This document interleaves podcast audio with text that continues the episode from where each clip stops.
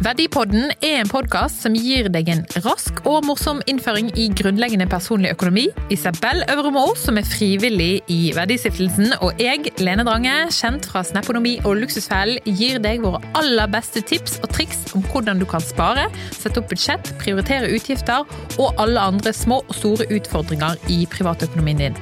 Og det kan jo ofte være ord og uttrykk som du syns er vanskelig, for det er brutto, det er netto, det er skattekort, det er alt inn, det er alt mulig slags greier. Så derfor har vi på nettsiden laget en oversikt, altså nesten en ordbok, sånn at du ikke skal sitte og tenke hm, hva betyr det? Nå er vi kommet til episode tre. Gjeld og inkasso. Hjelp! Er det privatøkonomiens eh, skumleste tema, eller? Ja, er det det? Ja, kanskje? Jeg vet ikke. Det er kanskje både ja og nei? Ja, jeg tror, det, jeg tror det er begge deler.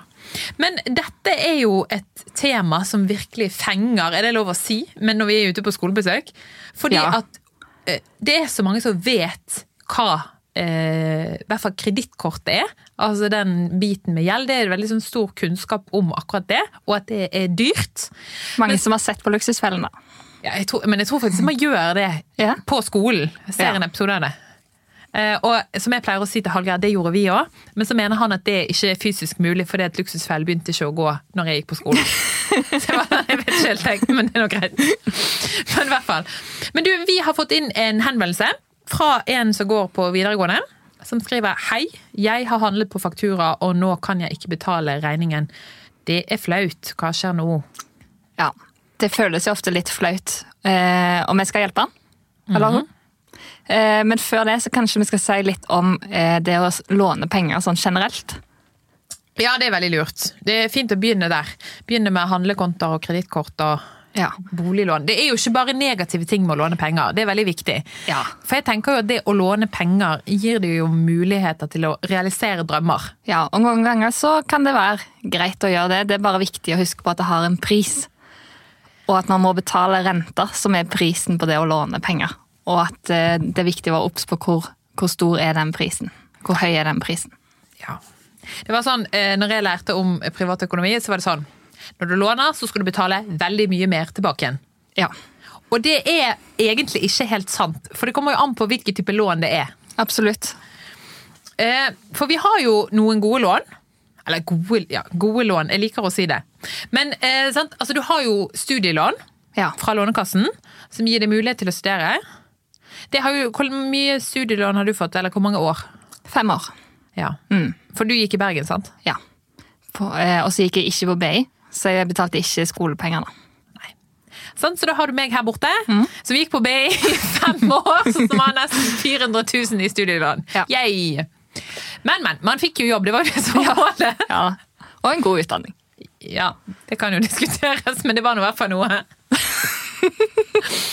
Det er sånn ofte når jeg får spørsmål fra, eh, fra folk om hva de skal bli, så har jeg før liksom, jeg har ikke økonomi i veien å gå, men så nå har jeg gått litt over til Jeg tror det er IT. Ja. Det er der liksom eh, utfordringene og pengene Og hvis man har en blanding av økonomi og IT, så er man skodd Det for tror jeg er veldig bra. IT-basert ledelse eller lignende. Ja. ja, Så det var en liten avsvaring på Ja. Lånekassen og lån derfra. Det er jo noen egne regler, og de bør man jo se litt på før man skal begynne å studere. Men det er jo et veldig gunstig lån. Ja, det er det. Du får jo, og du får jo relativt gode renter på det i etterkant av studiet, pluss at de rentene ikke begynner å løpe før du er ferdig studert. Men det er én ting jeg vil si om Lånekassen, og det er at hvis det blir for mye Altså, Du bør ikke studere for lenge. Altså, Selvfølgelig Bommer du på en utdanning og begynner på noe, gjør du det en gang eller to, selvfølgelig. Men hvis du studerer mye, du studerer i utlandet sånn at du havner med nesten en million i studiegjeld, så er det ganske mye når du skal begynne å jobbe og kanskje begynne å kjøpe bolig etter hvert. da. Ja, og det er jo litt greit å ha i bakhodet. At, eh, at den gjelder der, den tas med når bankene skal vurdere om du får boliglån. Mm, enig. Men i utgangspunktet et bra lån, eh, som heller ikke er så dyrt. Men så har jo vi boliglån. Ja, Det er jo nesten vel så vanlig som eh, studielånet. absolutt. Har du boliglån? Ja, det har jeg. Det er jo sånn ehm, Det som jeg tenker er fint med boliglån, er at hvis man skal kjøpe en bolig til tre millioner, så kan man ikke låne hele summen. Og det tenkte jeg faktisk over før. Hvorfor ikke? Altså, Hvorfor ikke du låne hele summen? Må du spare? Så var det litt sånn, ok, Må du spare for å overbevise banken om at du klarer å spare? Ja, er det derfor? Nei, det er jo Nei, men det er jo egentlig ikke det. Det er jo fordi at banken ikke vil ta den risikoen. At sant, Hvis boligen faller i verdi og du har ikke anledning til å betale for lånet, så kan de tvang, eller så, ikke tvangsselge, skal ikke gå helt dit, men så kan de selge boligen din, eller du kan selge boligen din sånn at du får innfridd lånet. Ja. Så det er veldig lav risiko. Det er jo egentlig det som er tingen. Ja. Men eh, boliglån er jo også det er jo en god investering, eller Å kjøpe en bolig er jo stort sett en god investering. Og så er det jo billige renter. Det kommer jo sikkert til å stige litt, men der ligger jo renten på sånn 1,5 kanskje akkurat nå, og så går det jevnt og trutt oppover. Mm, og det er litt viktig å tenke på at i starten, i starten når man er, hvis man er ung og kjøper bolig, så, er ikke, så kan det godt hende at boliglånsrenta er vel så god som Lånekassen. Fordi at man ofte får bedre rente når man blir ung. Men hvis man skal sammenligne de, så er Lånekassens rente er jo bedre over tid, da, for den vil være uavhengig av alder. Mm, enig, enig. Veldig sant. Og så det som er viktig på eh, altså den Lånekassen, der er det én rente. Men sånn på boliglån så er det jo én det er jo ikke én rente i hver enkelt bank engang. Altså DNB, Sparebanken 1, alle eh, bankene har jo ulik rente. sant? De har én rente for de som er ung, kanskje, og så har de en som er noen sykepleiere som er i et fagforbund, og så er det noen for VIP-kunder for én rente. Sant? så man bør jo alltid gjøre litt research, egentlig. da. sant? Det er veldig lurt. Og så være litt på det der med å snakke om økonomi. sant? Det er også noe sånn, ok, Hvis du får et tilbud på 2% rente, så kan du også si til banken nei, jeg vil ha 1,8. Ja. For det tilbyr en annen bank. Ja. Og der tror jeg faktisk mange unge har litt å lære, da. Uansett hvilke lån det er, utenom Lånekassen, for så vidt. men Mm, og der tenker jeg også litt sånn som det vi snakka om i en, i en annen episode, om det å snakke om hva man får i lønn. Så det er også ganske viktig å snakke med venner hvis det er andre som har boliglån. da. Hva har dere i boliglånsrente? enig, enig. Det samme gjelder jo egentlig billån. For det er jo Ja. egentlig nesten det første lånet man får. Ja, det er helt sant. Det kan ofte være den første tingen man skal kjøpe som man trenger å låne penger til. Og der er det jo eh, en jungel av muligheter, for det er jo veldig mange eh, Noen kan jo mye om bil, andre kjøper jo en bil og så bare Oi, det var ikke så bra likevel.